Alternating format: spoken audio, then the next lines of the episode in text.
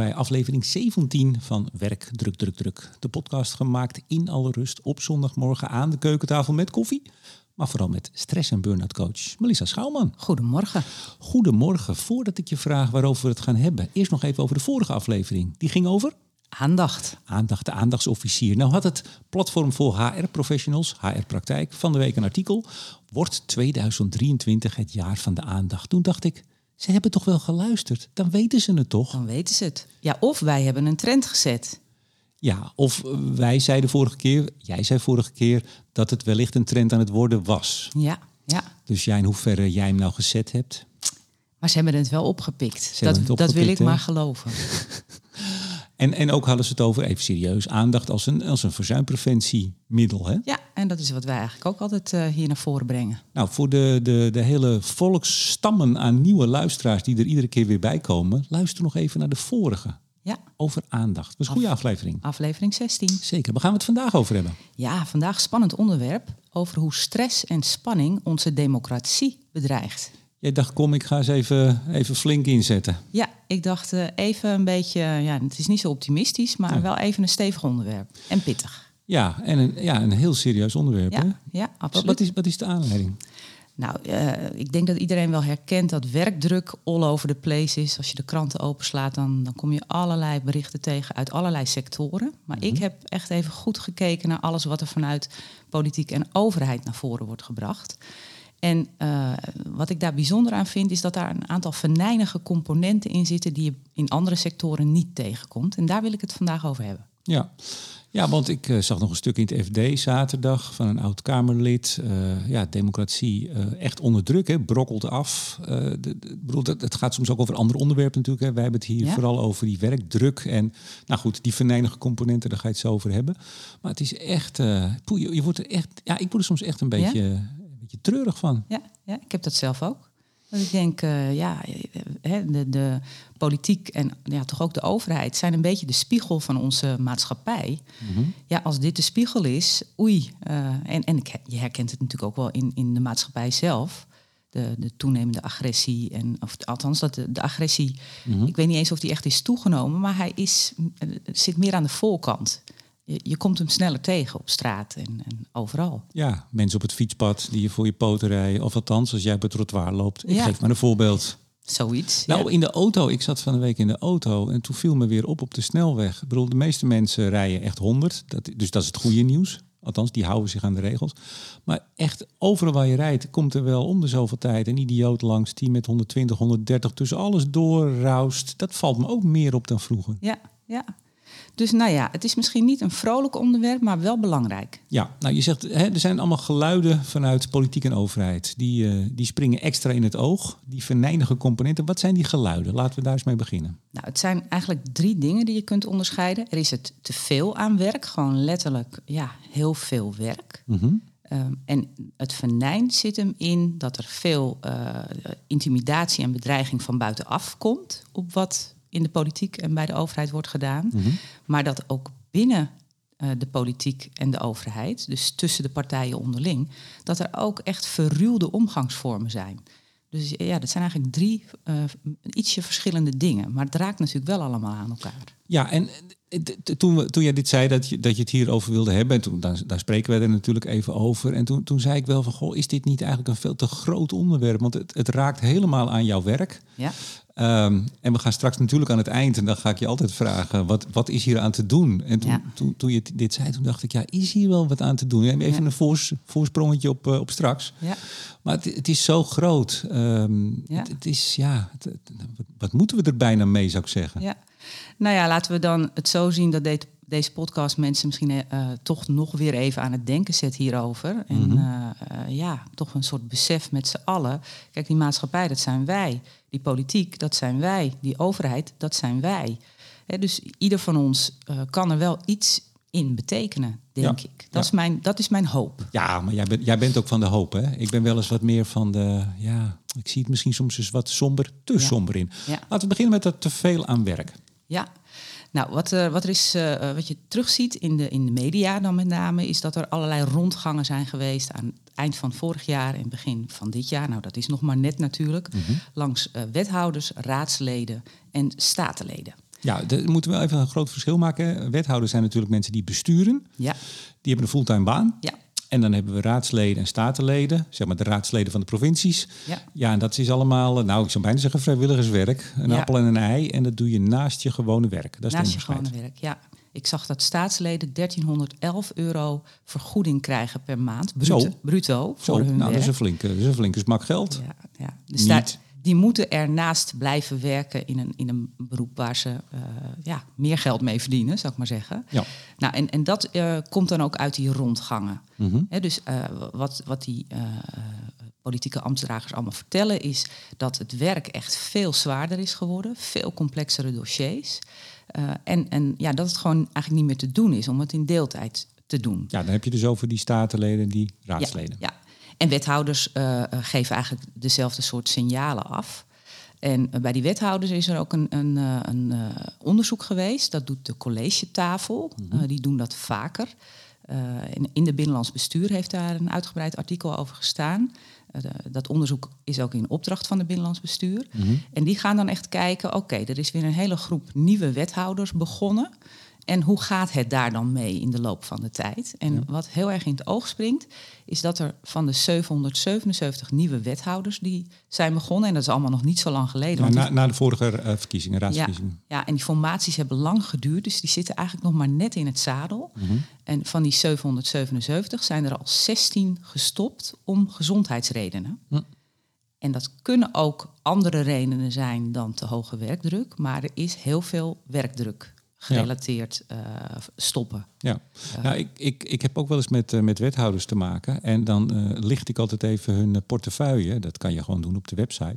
Als je soms ziet hoe groot die portefeuilles zijn. Ja. Daar zitten ook hele kleine onderwerpjes bij. Maar heel veel onderwerpen. Het, kunnen zo, het is niet van, nou je hebt een wethouder van financiën. Of een wethouder van economische zaken. Nee. Of, het is echt een trits. En dan hebben ze nog delen van de gemeente. Want alle, alle wijken of alle delen worden ook nog eens verdeeld.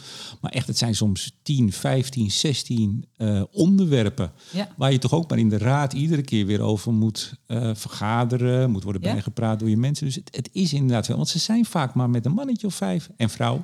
Vijf, zes, vier, Ja. zoiets. Ja, ja en daar eh, doet ook de, de, de vereniging van de wethouders een oproep toe. Van, hè, dat dat in deeltijd werken van die statenleden en gemeenteraadsleden.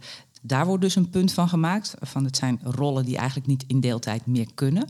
En rondom die wethouders wordt gezegd... er is een maximum aan het aantal wethouders... wat een gemeente ehm, mag, mag aanwijzen, zeg maar. Laat dat maximum los. Want die dossiers, dat zijn er gewoon te veel. Eh, een wethouder moet veel te veel complexe dossiers tegelijk eh, mannen. En, dat- en dat lukt gewoon niet meer. Wat heb je enig idee waarom het een maximum is eigenlijk? Nee, weet ik eigenlijk niet. Maar Nee. zou- zou- misschien is het... eh, Geld, denk ik.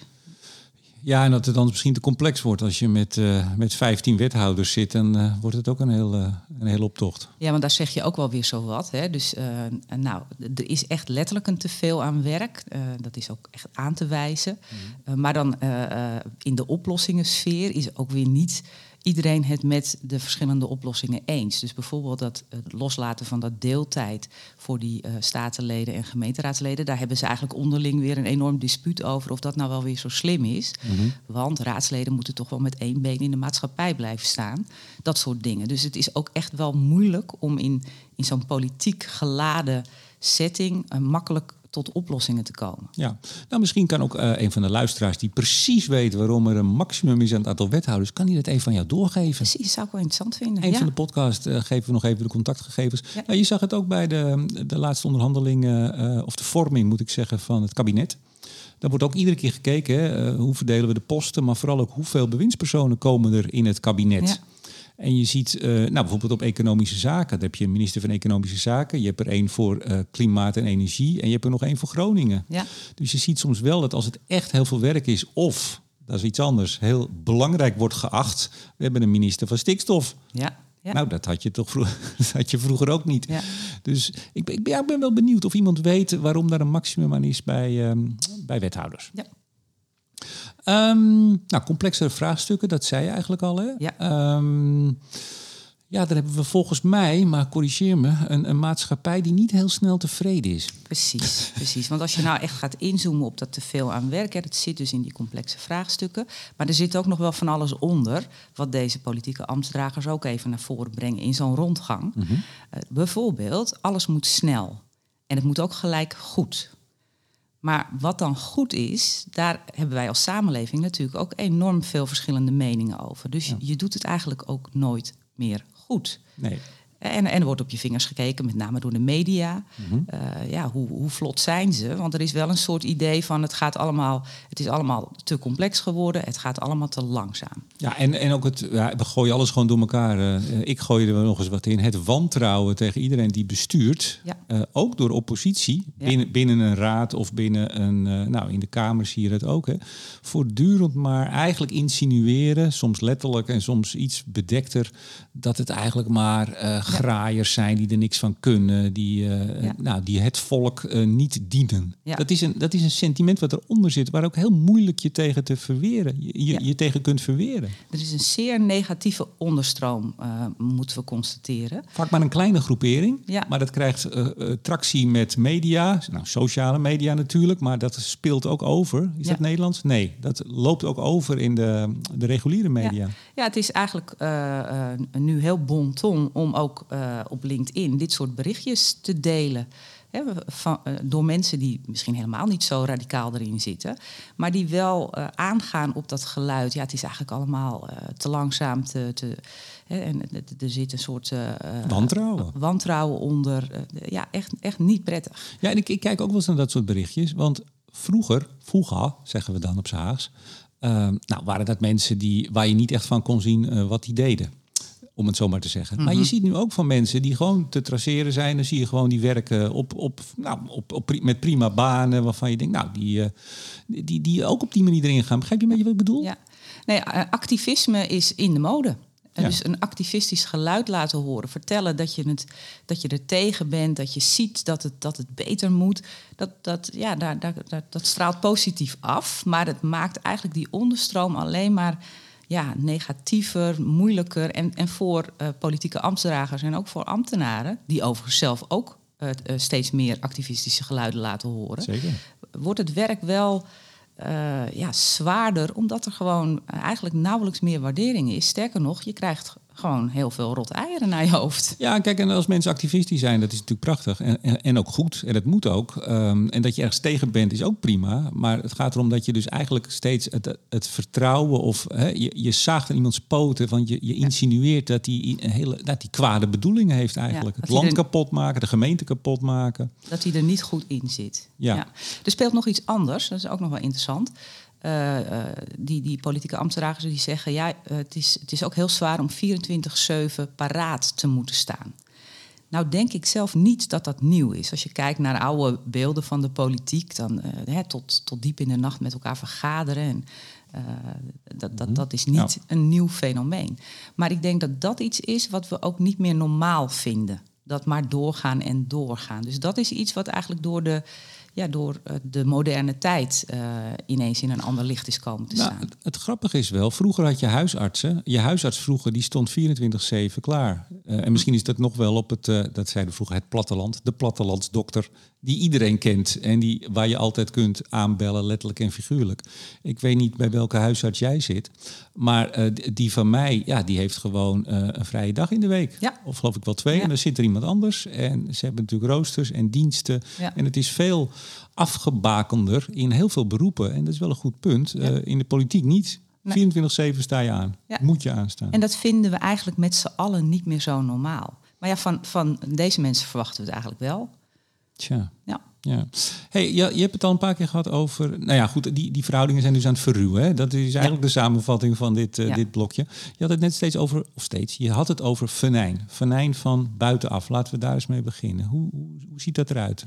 Nou, dat, dat eh, heeft echt best wel ernstige vormen. Eh, dus bij, raadsleden, gemeenteraadsleden, die, die zijn bevraagd hierop. Daar zullen ze niet allemaal antwoord op geven, maar degenen die zijn bevraagd, die geven eigenlijk allemaal aan dat ze worden uitgescholden via sociale media. Dat is gewoon heel normaal geworden. Je, je, je, je, je hebt eh, een punt gemaakt of sowieso uh, het feit dat Ja. je raadslid bent en misschien van een partij waar iemand niet, uh, niet van is. Uh, en dan word je dus uitgescholden. Ja, ben jij eens uitgescholden? Nou, nee, eigenlijk niet. Ja, ja tel, tel, je eigenlijk niet mee hoor, als ik het zo hoor. Maar misschien... je bent ook geen politieke ambtsdrager. Nee, nee misschien, is op de fiets. op de fiets wil dat nog wel eens gebeuren. Als je iemand aanspreekt op het feit dat hij uh, jou eigenlijk uh, van de stoep afrijdt. Uh, of, of, hè, de, de, ja, wat, wat is dat? Ik heb dat ook wel eens. Als je iemand corrigeert die overduidelijk fout zit. Ja. En die zegt dan niet, oh sorry, wat ik doe, ik maak ook wel eens een foutje. Dan zeg je, oh sorry. Die scheldt je gewoon verrot. Ja. Ik heb dat ook wel eens. Ja, nee, ik heb een keer gehad, liep ik over het zebrapad. Uh, gewoon, uh, en was ook nog een, een, stoplicht wat op groen stond voor mij. Uh, en ja, fietsers hebben de neiging om dan gewoon te blijven doorfietsen. Tenminste in, in Amsterdam. sommige steden, ja. In Amsterdam is dat, dat is ook heel hip om dat te doen. Zeker.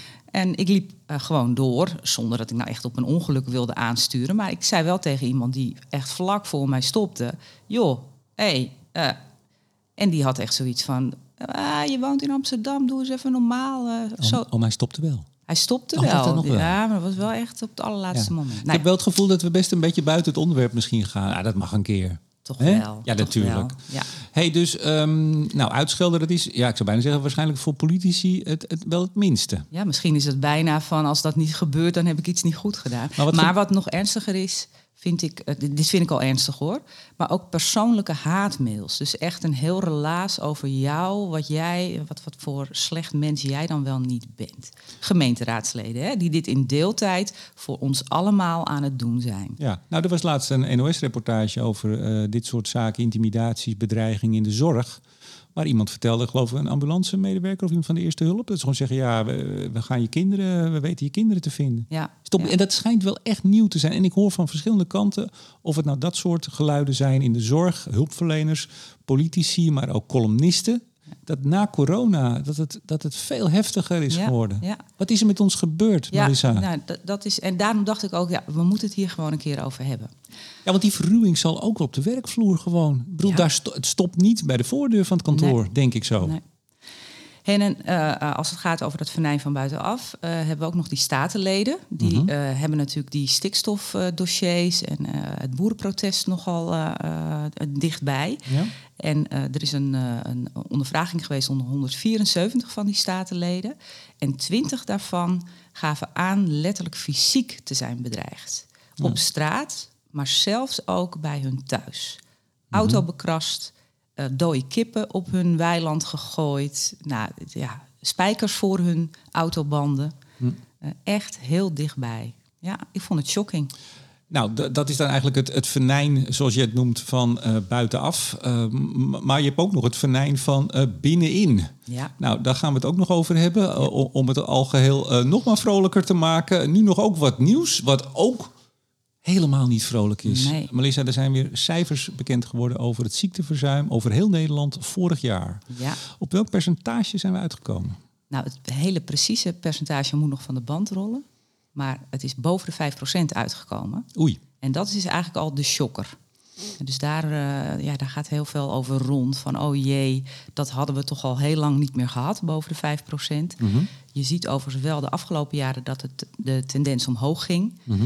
Eh, nou, de afgelopen jaren konden we dan nog tegen elkaar zeggen... ja, corona, corona, dat zal wel meespelen. Maar dat nu juist ja, een beetje het, het eerste corona-vrije jaar... min of meer vrije jaar, Ja. zo'n hoog percentage geeft... Dat, eh, dat wordt wel als heel ernstig gezien.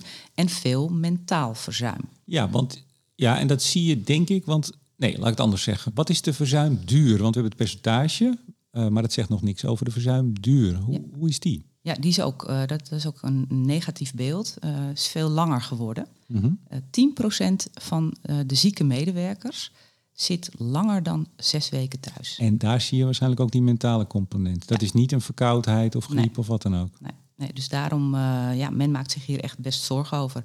En het kost natuurlijk ook heel veel geld. Meer Nou. dan 18 miljard. Ja, Weet je. ja. Tja, nou ja, ik zei het al. Uh, het is een en al vrolijkheid, uh, uh, deze podcast. Um, ja, dan gaan we naar het venijn van binnenuit. We pakken hem gewoon lekker door. Het venijn van binnenuit. Ja, of had je nog iets over de verzuimcijfers? Nee hoor, nee, ik, ik wilde alleen nog weer even een hoopvol geluid laten horen. We, oh, zijn graag. nog, we zijn nog maar aan het begin van dit nieuwe jaar. Dus we hebben nog alle mogelijkheid om het dit jaar beter te doen met kijk, elkaar. Kijk, en daarom is dit nou zo'n fijne podcast. Ja, jawel. hey, ja, toch weer, helaas. Het venijn van binnenuit. Als we het hebben over politieke ambtsdragers, raadsleden, statenleden, Ja. ministers, uh, wethouders. Ja. ja, er is gewoon een veel lastiger omgang gekomen tussen de politiek en de ambtenarij.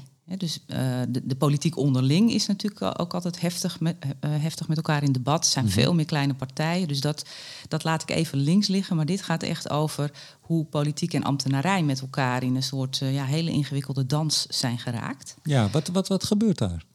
Nou, wat er, uh, wat er eigenlijk uh, grosso modo naar boven komt, is dat de politiek zich veel te veel bemoeit met die ambtenarij. Eigenlijk op stoelen gaat zitten waar ze niet op horen te zitten. Mm-hmm. En dat die ambtenaren, de, de ambtenarij, veel vaker in het politieke debat wordt getrokken. Sterker nog, ik heb wel eens Kamerleden gezien die bijna uh, figuurlijk met een riek en een fakkel op, op jacht waren ja. naar de ambtenaren die hier verantwoordelijk voor waren. Terwijl ze de minister moeten aanspreken. Ja. Ik kan me voorstellen dat het ook bij gemeentes gebeurt bijvoorbeeld. Ja, ja.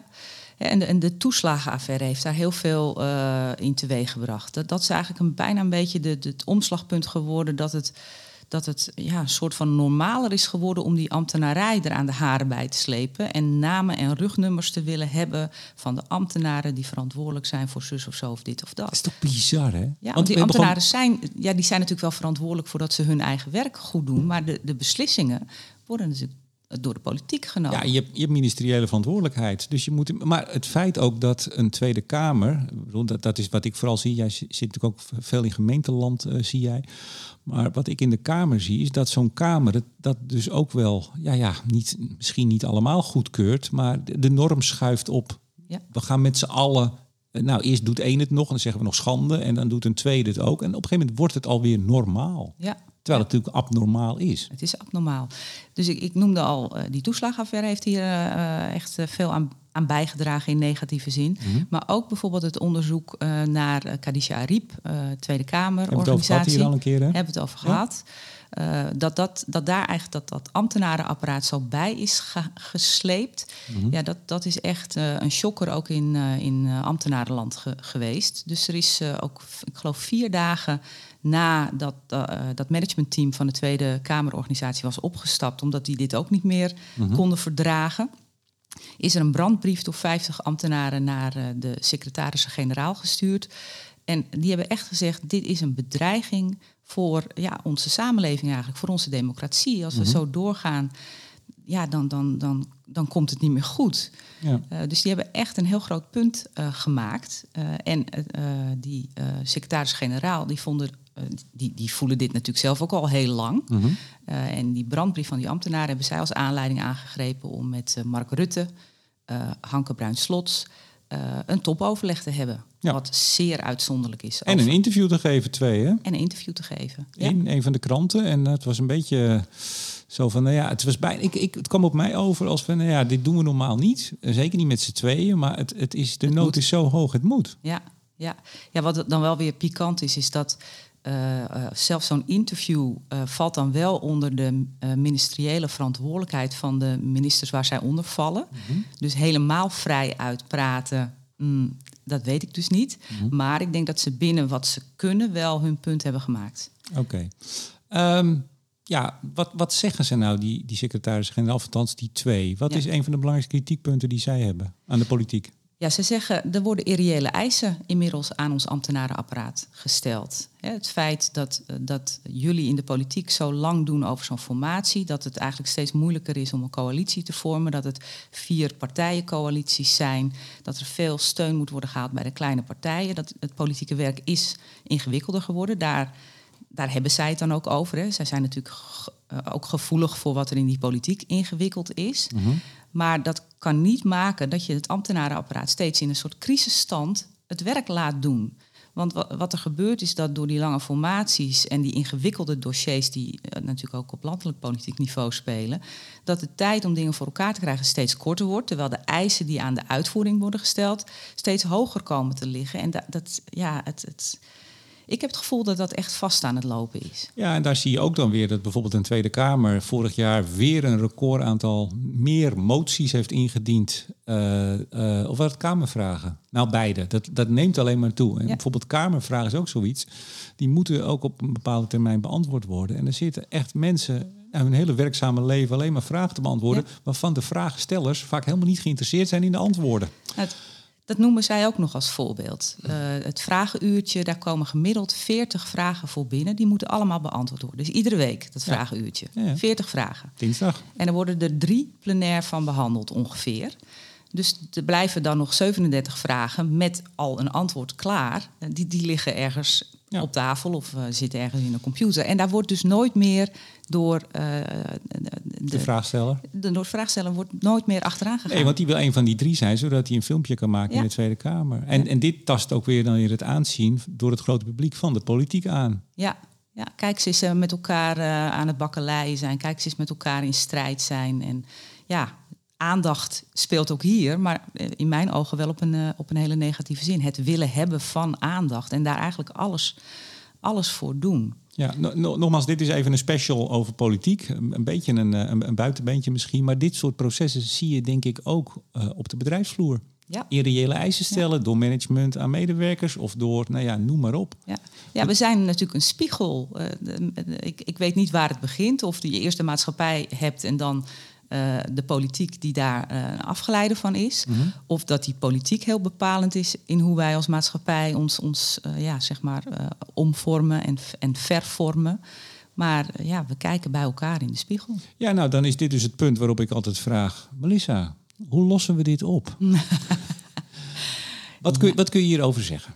Ja, dit, is natuurlijk eigenlijk niet te doen. Ik, ik, ik weet ook niet of het, of het oplosbaar is. Ik, ik, voor mezelf denk ik wel eens, is dit misschien zo'n... Sorry dat ik je ontbreek. Er zijn al heel veel rapporten geschreven. Ja. Laten we daar even mee beginnen. Er Ja. zijn al allerlei suggesties, serieuze, dikke rapporten over hoe Ja. dit kan. Dat zet tot nu toe geen enkele zood aan de dijk. Ik heb een tijdje geleden er echt eentje zitten uitspellen. Dat, is, eh, dat rapport is eh, in opdracht van Vera Bergkamp gemaakt. Versterking van de functies van de Tweede Kamer. Dat gaat eigenlijk helemaal hierover. Dat was al uit 21, hè? december 21. December 21. En daar hebben eh, eh, Tweede Kamerleden aan, aan meegewerkt. Eh, Kees van der Staaij, eh, Renske Leijten onder andere. En die gaan dan heel uitgebreid. Wat, wat kan er allemaal beter? Hoe moeten we het eigenlijk anders doen? Heel- goed dus dat dat gebeurt. Heel goed, Ja. heel goed. Eh, dus zelfs eh, op basis van dat rapport zijn er eh, eh, extra vacatures gesteld in de Tweede Kamerorganisatie om meer ondersteuning aan de Tweede Kamerleden te kunnen geven. En het helpt dus niet om dit venijn eh, eruit te krijgen, om, om de geest weer in de fles te krijgen. Dus ik, ik denk wel eens, ja, misschien is dit zo'n fase, als we daar eh, over twintig jaar naar terugkijken. Ja, dit, dit moesten we even met z'n allen doorstaan. Er- ja, de- Mhm, de- ja. dat je dat ongemak maar moet verdragen wat je er nu bij voelt. Ja. Maar ja, ik ben natuurlijk ook coach. Mhm. En als ik er dan met coachogen naar kijk, dan, dan, ja, dan komen er wel wat andere dingen bij mij naar boven. Eh, Nog steeds niet de oplossing, maar wel Maar, vragen. maar wel hoopgevend. Ja, Ja, ik, ja, ik, ik heb, ik Ik heb zo'n benieuwd. behoefte aan hoop. ik ga eens even kijken hoe jij erop reageert. Kijk, in, in eh, coaching eh, eh, werk je wel eens met een begrip. Dat is een beetje, klinkt een beetje naar, maar dat heet ziektewinst.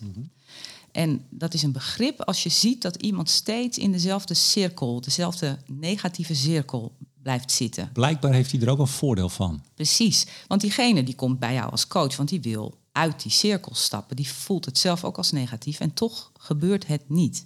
Dan kun je de vraag stellen, wat is de ziektewinst? Wat heeft iemand eraan om, om hierin te blijven zitten? Nou, die vraag kun je ook wel loslaten op, op ja, wat er aan de hand is. Wat hebben die politieke ambtsdragers eraan? Wat, wat heeft die ambtenarij hieraan? Wat heeft de, de samenleving hieraan? En dat raakt ook aan het punt van wat je net zegt, volgens mij, van misschien moeten we het wel uitzitten of uitzieken. Iemand heeft ziektewinst, zit maar in een loop, zit maar in een cirkel. En op een gegeven moment komt er een dag dat hij naar jou of een van je collega's stapt. Ja. En dan is de ziektewinst te laag. Of in ieder Ja. geval de balans is scheef. En dat is misschien ook waar we hier mee te maken hebben. Het moet bij wijze van spreken misschien nog iets erger worden voordat we echt gewoon uh, collectief aan de noodrem trekken. Ja, zou zomaar kunnen. En dan is er nog een, ander, uh, een andere theorie die ik best vaak gebruik in, in coaching. En dat is wat positiever. Dat gaat over uh, hoe kom je nou tot optimaal functioneren. Mm -hmm. En we hebben het hier in de, in de podcast ook wel eens eerder over gehad. Uh, Ryan en DC hebben die uh, theorie uh, Ryan en DC. Wie kent ze niet? Wie kent ze niet en wie is ze vergeten? Niemand. Ja. De zelfdeterminatietheorie heet het. Gaat over intrinsieke motivatie. Mm -hmm. Spelen drie begrippen bij. Begrip 1, competentie. Begrip 2, verbondenheid. Begrip 3, waardering. Ja. Als die drie componenten goed zijn ingevuld, dan ja, dan kan het bijna niet anders dan dat iemand optimaal aan het functioneren is. Nou ja, als je dat eens legt op hoe het op dit moment gaat in de politiek en in de ambtenarij. Nou, één ding kan ik in ieder geval hardop zeggen: de waardering is echt ver te zoeken. Ja. De maatschappij is uh, hyper, hyper, hyper kritisch. Mm -hmm. En die, die hyperkritische houding slaat ook nog eens naar binnen. Dus onderling is men ook uh, ja, de hele tijd uh, met elkaar aan het vechten. Ja, ja dus die component is er in ieder geval al niet. Ja. En dan kun je verbondenheid, denk ik dat dat, goddank, blijft dat altijd wel hoog in het vaandel staan. Zowel in de politiek als in de overheid. Ik kom eigenlijk vaak alleen maar mensen tegen die zeggen: ja, maar toch wil ik voor die publieke zaak blijven strijden. Mm -hmm. He, dus het vuur om, om het goed ja. te doen is er echt bij heel veel mensen. Daar heb ik zelf in ieder geval helemaal geen wantrouwen over. Oké. Okay. Uh, dus die zit denk ik wel goed, maar die staat wel onder druk. Want ja. als je nooit waardering krijgt, of het, het is zo moeilijk om het goed te doen in de ogen van anderen, ja, dan zakt het wel weg. Ja, en laten we dan toch eens ook even naar, tegen de luisteraar wat zeggen. Ik bedoel, de luisteraar kan dus ook af en toe eens als ze een, een berichtje zien van een wethouder of van een raadslid, waarvan ze denken, hé, hey, uh, goed, dan denk je dat. Maar je kan ook even een berichtje sturen. Ja. Is ja. dat wat? Ja, kijk. Het zijn maar kleine dingetjes, maar wie weet. Nee, maar daar raak je aan, aan een, een laatste punt uh, wat in coaching belangrijk is. Uh, als iemand in coaching de hele tijd over de ander aan het praten is. He, dus die zegt, ja, het gaat met mij eigenlijk heel slecht, want mijn baas, want mijn dit, want mijn dat. Dan uh, laat je dat heel even gaan. En op een gegeven moment zeg je, ja, maar die ander, die zit hier niet. Mm -hmm. Jij zit hier. Ja. En die ander heb je ook niet aan een lijntje zitten. Dus als het gaat over je wil dat het anders wordt, dan is er maar één iemand aan wie je kan werken en dat ben je zelf. En jij kan zelf anders met zaken omgaan, jij kan er zelf anders in gaan zitten. Nou ja, en dat is dan misschien een beetje de hoopvolle boodschap die ik iedereen wil meegeven. Ja. Ja, je wil het anders en begin bij jezelf. Ja, geef eens een complimentje. Uh, hè, als we het dan toch over social media, waar zo ontzettend veel bagger is. Ik, ik heb het zelf ook wel eens hoor, want je bent toch geneigd om altijd het negatieve, dat valt op. Het negatieve, daar wint je je over op. En het positieve, of iets waar je het mee eens bent, dan denk je, oh ja, fijn, prima. Laat het eens weten. Ja. Geef iemand een berichtje. Ja, ja ik denk dat, uh, dat ja, iedereen daar eigenlijk enorm van kan opknappen. En dat is dan misschien nog niet de oplossing voor een maatschappij die helemaal in één keer de goede kant op, oproeit. En dan blijven we nog met een heleboel complexe en uh, uh, zichzelf tegensprekende wetgeving zitten en weet ik veel wat. Want dat is ook een geluid wat je veel hoort, het stapelen van regels en noem het maar op. Mm -hmm. Maar dan hebben we in ieder geval die onderstroom weer een beetje de goede kant op. Ja, maar mag ik misschien ook zelf een tip geven? Natuurlijk. Ja, ik ben graag, maar, ik ben maar graag. de interviewer, ik ben maar de aangever. Maar Ja, ik, ik heb er misschien toch een. Nou, dat die zit in het verlengde van net. Dat ook als er dingen zijn die echt uh, idioot belachelijk zijn, uh, dan zullen er ook heel veel mensen zijn inmiddels die denken, nee, laat maar gaan. Spreek je er ook tegen uit. Ja. Ook op de werkvloer. Er Ja. is altijd wel een klojo bij die de boel zit uh, hè, onder druk te zetten. Uh, het, het, het, helpt ook wel als mensen zich uitspreken, denk ik. Ja. Ik, ben, ik ben niet de professional, hè? dat ben jij. Nee, maar kijk eens naar de afleveringen uh, die we al hebben gehad. Die gaan, als het gaat om werksituaties, heel vaak over.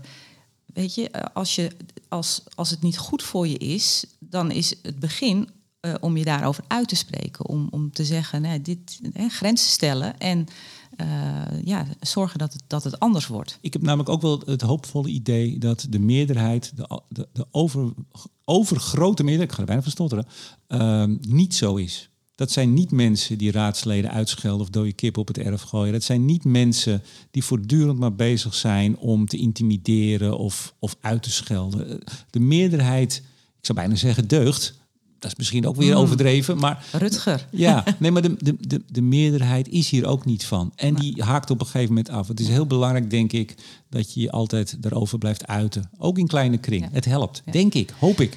Nou, en, en dat afhaken, dat, dat maakt wel het cirkeltje weer rond. Waarom eh, heb ik best een stevige titel gegeven aan deze, uh, aan deze aflevering? Hè? Stress en spanning uh, die onze democratie bedreigt. De bedreiging zit hem in dat mensen afhaken. Zowel de, de ambtsdragers, de politieke ambtsdragers...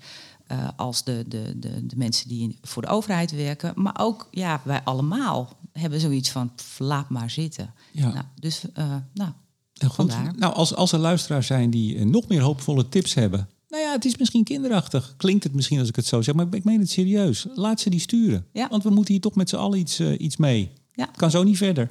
Um, ze kunnen ook vragen hebben. Ze kunnen ook even melden waarom er nou een maximum aantal wethouders is gesteld. Ja. ja. Wij weten het niet. Niet precies. Hoe kunnen ze dat laten weten, Melissa? Nou, ik heb een heel eenvoudig uh, e-mailadres. info Schouwman met OU, zonder W. Zonder W. Uh, je zit op social media, uh, vooral LinkedIn. Ja. Twitter ben je ook nog te vinden. Komt helemaal goed. Ja. Dan zeg ik tot zover. Aflevering 17 van Werk, Druk, Druk, Druk. Graag tot de volgende keer. Tot volgende keer. Ik zit al de hele uitzending met een schuin oog naar het eh, bakje chocoladepinda's te kijken. Mag ik, mag ik er een? Nou, grabbel maar.